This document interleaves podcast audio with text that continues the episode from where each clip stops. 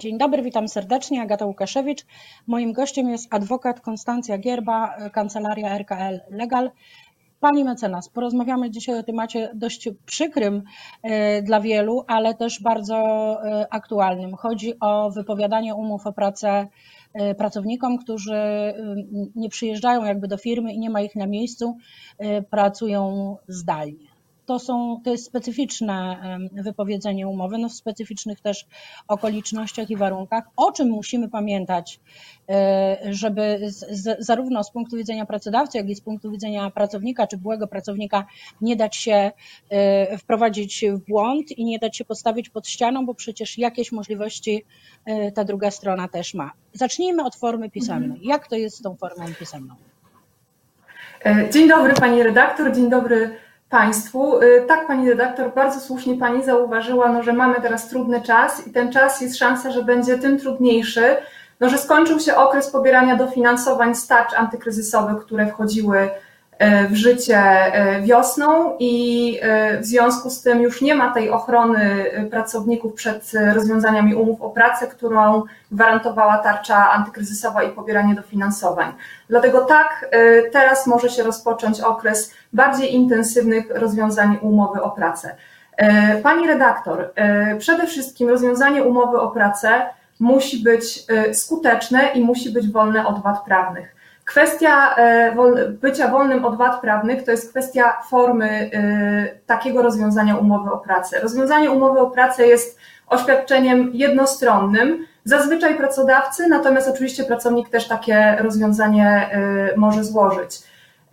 Kodeks pracy przewiduje formę pisemną wypowiedzenia lub rozwiązania umowy o pracę co oznacza, że musi być to dokument podpisany odręcznie przez którąś ze stron, która, taki, e, która takie oświadczenie składa. Natomiast e, od 2016 roku mamy także możliwość e, podpisania tego kwalifikowanym podpisem elektronicznym i wówczas taka forma jest formą równoważną do formy pisemnej. Dlatego o tym musimy pamiętać żeby taką formę przede wszystkim zachować, inaczej to wypowiedzenie będzie po prostu wadliwe i wówczas pracownik będzie mógł się odwołać do, od takiego wypowiedzenia do sądu pracy.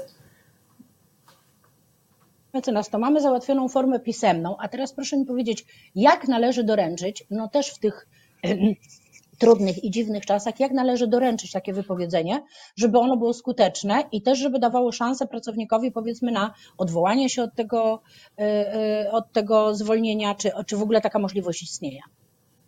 Mhm. Oczywiście, pani redaktor. Tak jak powiedziałam, jest to forma pisemna i do tej pory zazwyczaj praktyką były spotkania osobiste w biurze. Wówczas taki pracownik był na spotkaniu, był poinformowany, co się dzieje, dostawał do ręki dokument, ten dokument był podpisany, mógł się z nim zapoznać. Obie strony wobec tego widziały, co się dzieje, widziały, że to oświadczenie doszło do drugiej strony i ono było w tej formie pisemnej, czyli tej formie podstawowej. Teraz oczywiście czasy mamy trochę inne i tych spotkań osobistych raczej się unika. W związku z tym y, taką intuicyjną formą przekazania takiego y, dokumentu, rozwiązania lub wypowiedzenia umowy o pracę wydaje się być przesłanie przesyłką poleconą i często pracodawcy też y, z takiego rozwiązania korzystali. Niestety na ten moment mamy sprowadzony tarczą kwietniową, tak zwaną tarczą antykryzysową 2.0. Artykuł 98 tej tarczy mówi o zawieszeniu fikcji doręczenia. E, do tej pory, przed e, stanem epidemii, e, zasada była taka, że jeżeli ktoś dwukrotnie nie odbierze przesyłki awizowanej, to w ciągu 14 dni od pierwszego doręczenia ona jest uznawana za doręczoną. Czyli ta przesyłka, to oświadczenie, które było wysłane w ramach takiej przesyłki, nawet jeżeli ktoś go nie odebrał i się z nim nie zapoznał, to przyjmowało się, że ponieważ miał 14 dni na to, żeby zapoznać się z taką przesyłką, to ono wywołuje skutki prawne. Na ten moment ta fikcja doręczenia jest zawieszona, przepis ten e, na ten moment brzmi tak, że e, skutki, które wywrze oświadczenie, które jest zawarte w takiej nieodebranej przesyłce, będą miały miejsce dopiero w 14 dni po odwołaniu stanu, stanu epidemii. Stanu epidemii niestety na razie końca nie widać, więc jest szansa, że te przesyłki, które gdzieś tam leżą na poczcie nieodebrane właśnie z rozwiązaniami umów o pracę lub wypowiedzeniami, one w tej chwili są nieskutecznie doręczone i wywrą swój skutek dopiero Kiedyś, jak być może już szczęśliwie ten stan epidemii zostanie odwołany. Czyli jest to bardzo ryzykowne rozwiązanie, bo co tak naprawdę mamy na szali? To, że wysyłamy pracownikowi wypowiedzenie, mija 14 dni, wydaje nam się, że to wypowiedzenie zaczyna biec, no bo pracownik mógł odebrać, nie odebrał, a tak naprawdę y, termin wypowiedzenia zacznie biec dopiero 14 dni po odwołaniu stanu epidemii. Czyli ten pracownik formalnie w dalszym ciągu jest naszym pracownikiem, ponieważ skutecznie nie zostało mu doręczone, on nie miał szansy zapoznać się z tym oświadczeniem woli, które jest w tej przesyłce, które w tej chwili leży na poczcie. To nie zawsze musi być kwestia tego, że pracownik unika y, korespondencji z pracodawcą. Y, w tej chwili mamy taką sytuację, że dużo osób zmieniło miejsce zamieszkania, bo na przykład wróciło do domów rodzinnych i po prostu nie odbiera poczty w miejscu stałego zamieszkania. Teoretycznie oczywiście powinien być pracodawca o tym poinformowany, gdzie znajduje się pracownik. Natomiast no, życie jest takie, że nie wszyscy tego obowiązku dotrzymują, a przepisy w tej chwili chronią e, osoby, które nie odbierają z różnych powodów korespondencji i mówią, że po prostu taka korespondencja nie może wywrzeć skutków prawnych. Proszę też zwrócić uwagę, że ja do tej pory mówiłam o wypowiedzeniu, czyli o tym, że dopiero nam termin wypowiedzenia zaczyna biec po odwołaniu stanu epidemii. Natomiast jeżeli w tej przesyłce będzie rozwiązanie tak zwane dyscyplinarne, z uwagi na to, że stało się coś takiego, że pracodawca nie chce już współpracować e, z pracownikiem, było jakieś wyjątkowo ciężkie naruszenie obowiązków służbowych.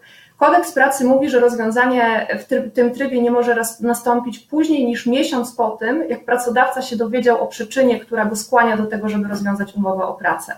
Jeżeli ta przesyłka przeleży na poczcie, to rozwiązanie umowy o pracę nastąpi może za kilka, może za kilkanaście miesięcy, jak odwołamy stan epidemii, w związku z czym na pewno miesiąc później, jak pracodawca się dowie o no, przyczynie, która go skłoni do takiego dyscyplinarnego rozwiązania umowy z pracownikiem, więc już na pewno w ten sposób nie będzie można skutecznie takiej umowy z pracownikiem rozwiązać. Czyli ten stan, który mamy, ten stan zawieszenia fikcji doręczenia, jakby y, sprzyja pracownikom, nawet tym, także i tym, którzy chcieliby trochę pokombinować i załóżmy, spodziewając się y, y, decyzji pracodawcy o wypowiedzeniu, y, celowo mogą jej nie odbierać. Tak, pani redaktor, można tak powiedzieć. Ten przepis był wprowadzony w kwietniu. On był później w czasie wakacji zmieniany i uzupełniany o wyjątki od tej reguły. Wyjątki w tej chwili dotyczą korespondencji urzędowej, sądowej, administracyjnej, natomiast ustawodawca no, w dalszym ciągu nie, e, nie zdecydował się na uzupełnienie takiego wyjątku właśnie o, o korespondencję pracowniczą. Dlatego z czysto prawnego punktu widzenia, tak, e, na ten moment, jeżeli pracownik faktycznie tej przesyłki nie odbierze, to nie można mówić o tym, że e, takie rozwiązanie umowy do, o pracę doszło, doszło do skutku, bo nie doszło do wiadomości pracownika. Dobrze, Pani mecenas, to teraz porozmawiajmy o tym, czy można wysłać pracownikowi wypowiedzenie umowy y, mailem. Mhm. Y, pani redaktor, to jest taka odpowiedź, której y, wszyscy nie lubią, a której prawnicy często udzielają, czyli to zależy. Mianowicie dlatego, że forma e-mailowa nie jest formą pisemną. To znaczy, wiadomość przesłana e-mailem jest oświadczeniem woli. Oczywiście mamy tam jakieś, jakieś oświadczenie, z którym pracownik się może zapoznać, Natomiast tutaj mamy kwestię tej e, wady prawnej, ponieważ to nie jest właściwa forma e, do rozwiązania umowy o pracę, ponieważ jest to forma dokumentowa. Natomiast tutaj nam z pomocą przychodzi kwalifikowany podpis elektroniczny, bo jeżeli my do pracownika napiszemy maila, w którym załączymy nasze e, oświadczenie właśnie o wypowiedzeniu umowy o pracę albo o rozwiązaniu umowy o pracę i koniecznie opatrzymy ten dokument kwalifikowanym podpisem elektronicznym, to wówczas taka forma jest traktowana na równi z formą pisemną. Czyli to jest właściwie jedyna sytuacja, która skutecznie i w sposób wolny od wad prawnych rozwiązuje umowę o pracę za pośrednictwem e, no, wiadomości e-mail. Dlatego, e, ponieważ w tej chwili większość spółek już w zasadzie musi mieć kwalifikowany podpis elektroniczny, to jest to forma, która jest w zasadzie łatwa do zorganizowania i przystępna Dlatego w czasach pracy zdalnej, w mojej, w mojej opinii, ona powinna być preferowana, jeśli chodzi o komunikację z pracownikami, tam gdzie musimy zachować formę pisemną lub równoważną formę y, z kwalifikowanym podpisem elektronicznym. Pani mecenas, dziękuję. To poradźmy jeszcze teraz coś pracodawcom. Jakie Pani zdaniem są rekomendowane sposoby na rozwiązanie umowy o pracę? Pani redaktor, taki jak Y, taki jak przed chwilą powiedziałam, czyli o tym mailu z załączonym oświadczeniem podpisanym, kwalifikowanym podpisem elektronicznym. Natomiast y, dobrym też sposobem jest zainwestowanie w przesyłkę kurierską. Dlaczego? Dlatego, że kurier zazwyczaj nie zostawia awizo, więc nie mamy tutaj prawda, ryzyko, że, ryzyka, że ta przesyłka przeleży gdzieś na poczcie i będzie nieodebrana, po czym nie, nie wywrze żadnych skutków. E, natomiast kurier, jeżeli taką usługę e, prawda, zamówimy, to doręczy do rąk własnych. I będzie to forma pisemna, no bo to będzie nasze własnoręcznie podpisane oświadczenie woli o wypowiedzeniu lub rozwiązaniu i jednocześnie będziemy mieć potwierdzenie, że ta przesyłka doszła do rąk własnych pracownika. Jeszcze może w uzupełnieniu tej, tego komentarza odnośnie wysyłania e-mail do pracownika. Tutaj chciałabym zaznaczyć, żeby e, raczej unikać wysyłania takich wiadomości na skrzynkę prywatną. Dlaczego? Pracownik może nam powiedzieć, że on nie odbiera tej skrzynki prywatnej. To jest jakaś jego nieaktualna skrzynka prywatna, albo on po prostu ma zwyczaj, że wchodzi tam raz na miesiąc i, i nie ma obowiązku względem pracodawcy tłumaczyć się, dlaczego otwiera tak rzadko, a nie kiedy indziej. W związku z czym my nie mamy do końca kontroli, kiedy to oświadczenie do pracownika doszło, a zatem od kiedy tak naprawdę możemy liczyć skuteczność y, rozpoczęcia terminu wypowiedzenia. Dlatego rekomendowane jest jak najbardziej komunikacja na skrzynkę służbową y, i możliwie w godzinach pracy. Dlaczego? Jeżeli wyślemy po godzinach pracy, ciężko będzie ustalić, czy pracownik otworzył tę wiadomość tego dnia, czy może już dopiero następnego. To są co prawda niuanse, natomiast wpływa to później na określenie, kiedy w zasadzie umowa się kończy i, e, I dlatego lepiej mieć pewność co do tego, kiedy ta wiadomość została faktycznie przez pracownika odebrana. Dobrze, to Pani mecenas, skoro jeszcze na razie mamy pracę, y, choć pracujemy zdalnie, to proszę poradzić, y, co zrobić, kiedy w czasie kwarantanny y, trafiliśmy na kwarantannę i w czasie kwarantanny pracodawca wymaga od nas, żebyśmy świadczyli pracę zdalną. Czy może tego od nas wymagać?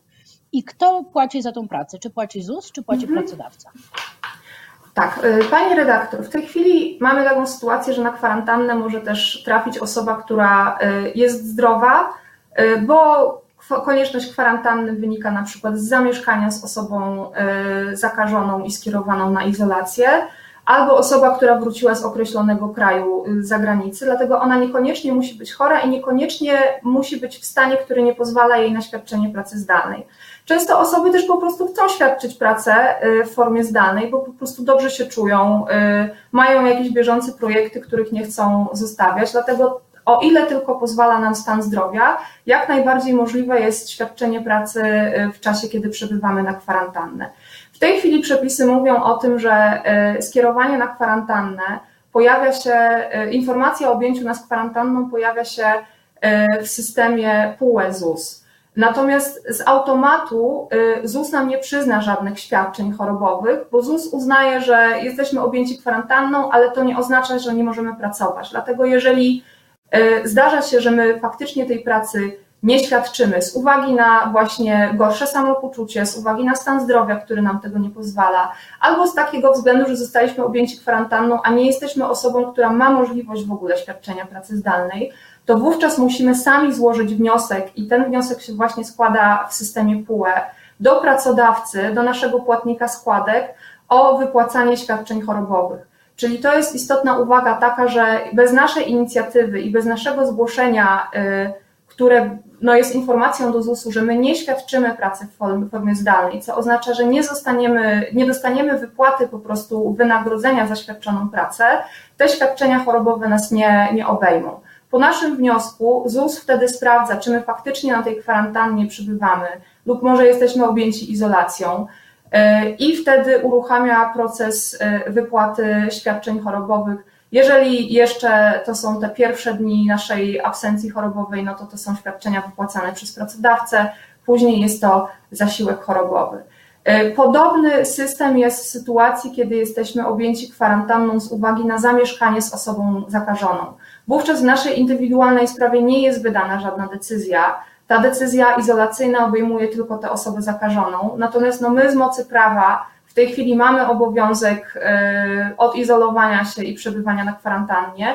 Wówczas nie składamy wniosku w PUE, tylko składamy oświadczenie o tym, że e, przebywamy na kwarantannie w związku z zamieszkaniem z osobą chorą i też wnosimy o wypłatę nam właśnie takich świadczeń chorobowych. Natomiast no, co, do, co do zasady, takie świadczenia przysługują w momencie, kiedy nie mamy możliwości świadczenia pracy zdalnej i tym samym nie mamy możliwości otrzymania wynagrodzenia za taką normalnie świadczoną pracę.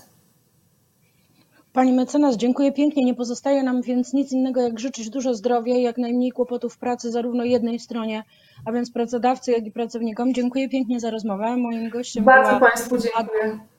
Była adwokat Konstancja Gierda, e, kancelaria RKE Legal, a ja zapraszam na YouTube. Dziękuję. Dziękuję, dziękuję Państwu. Do widzenia. Dziękuję.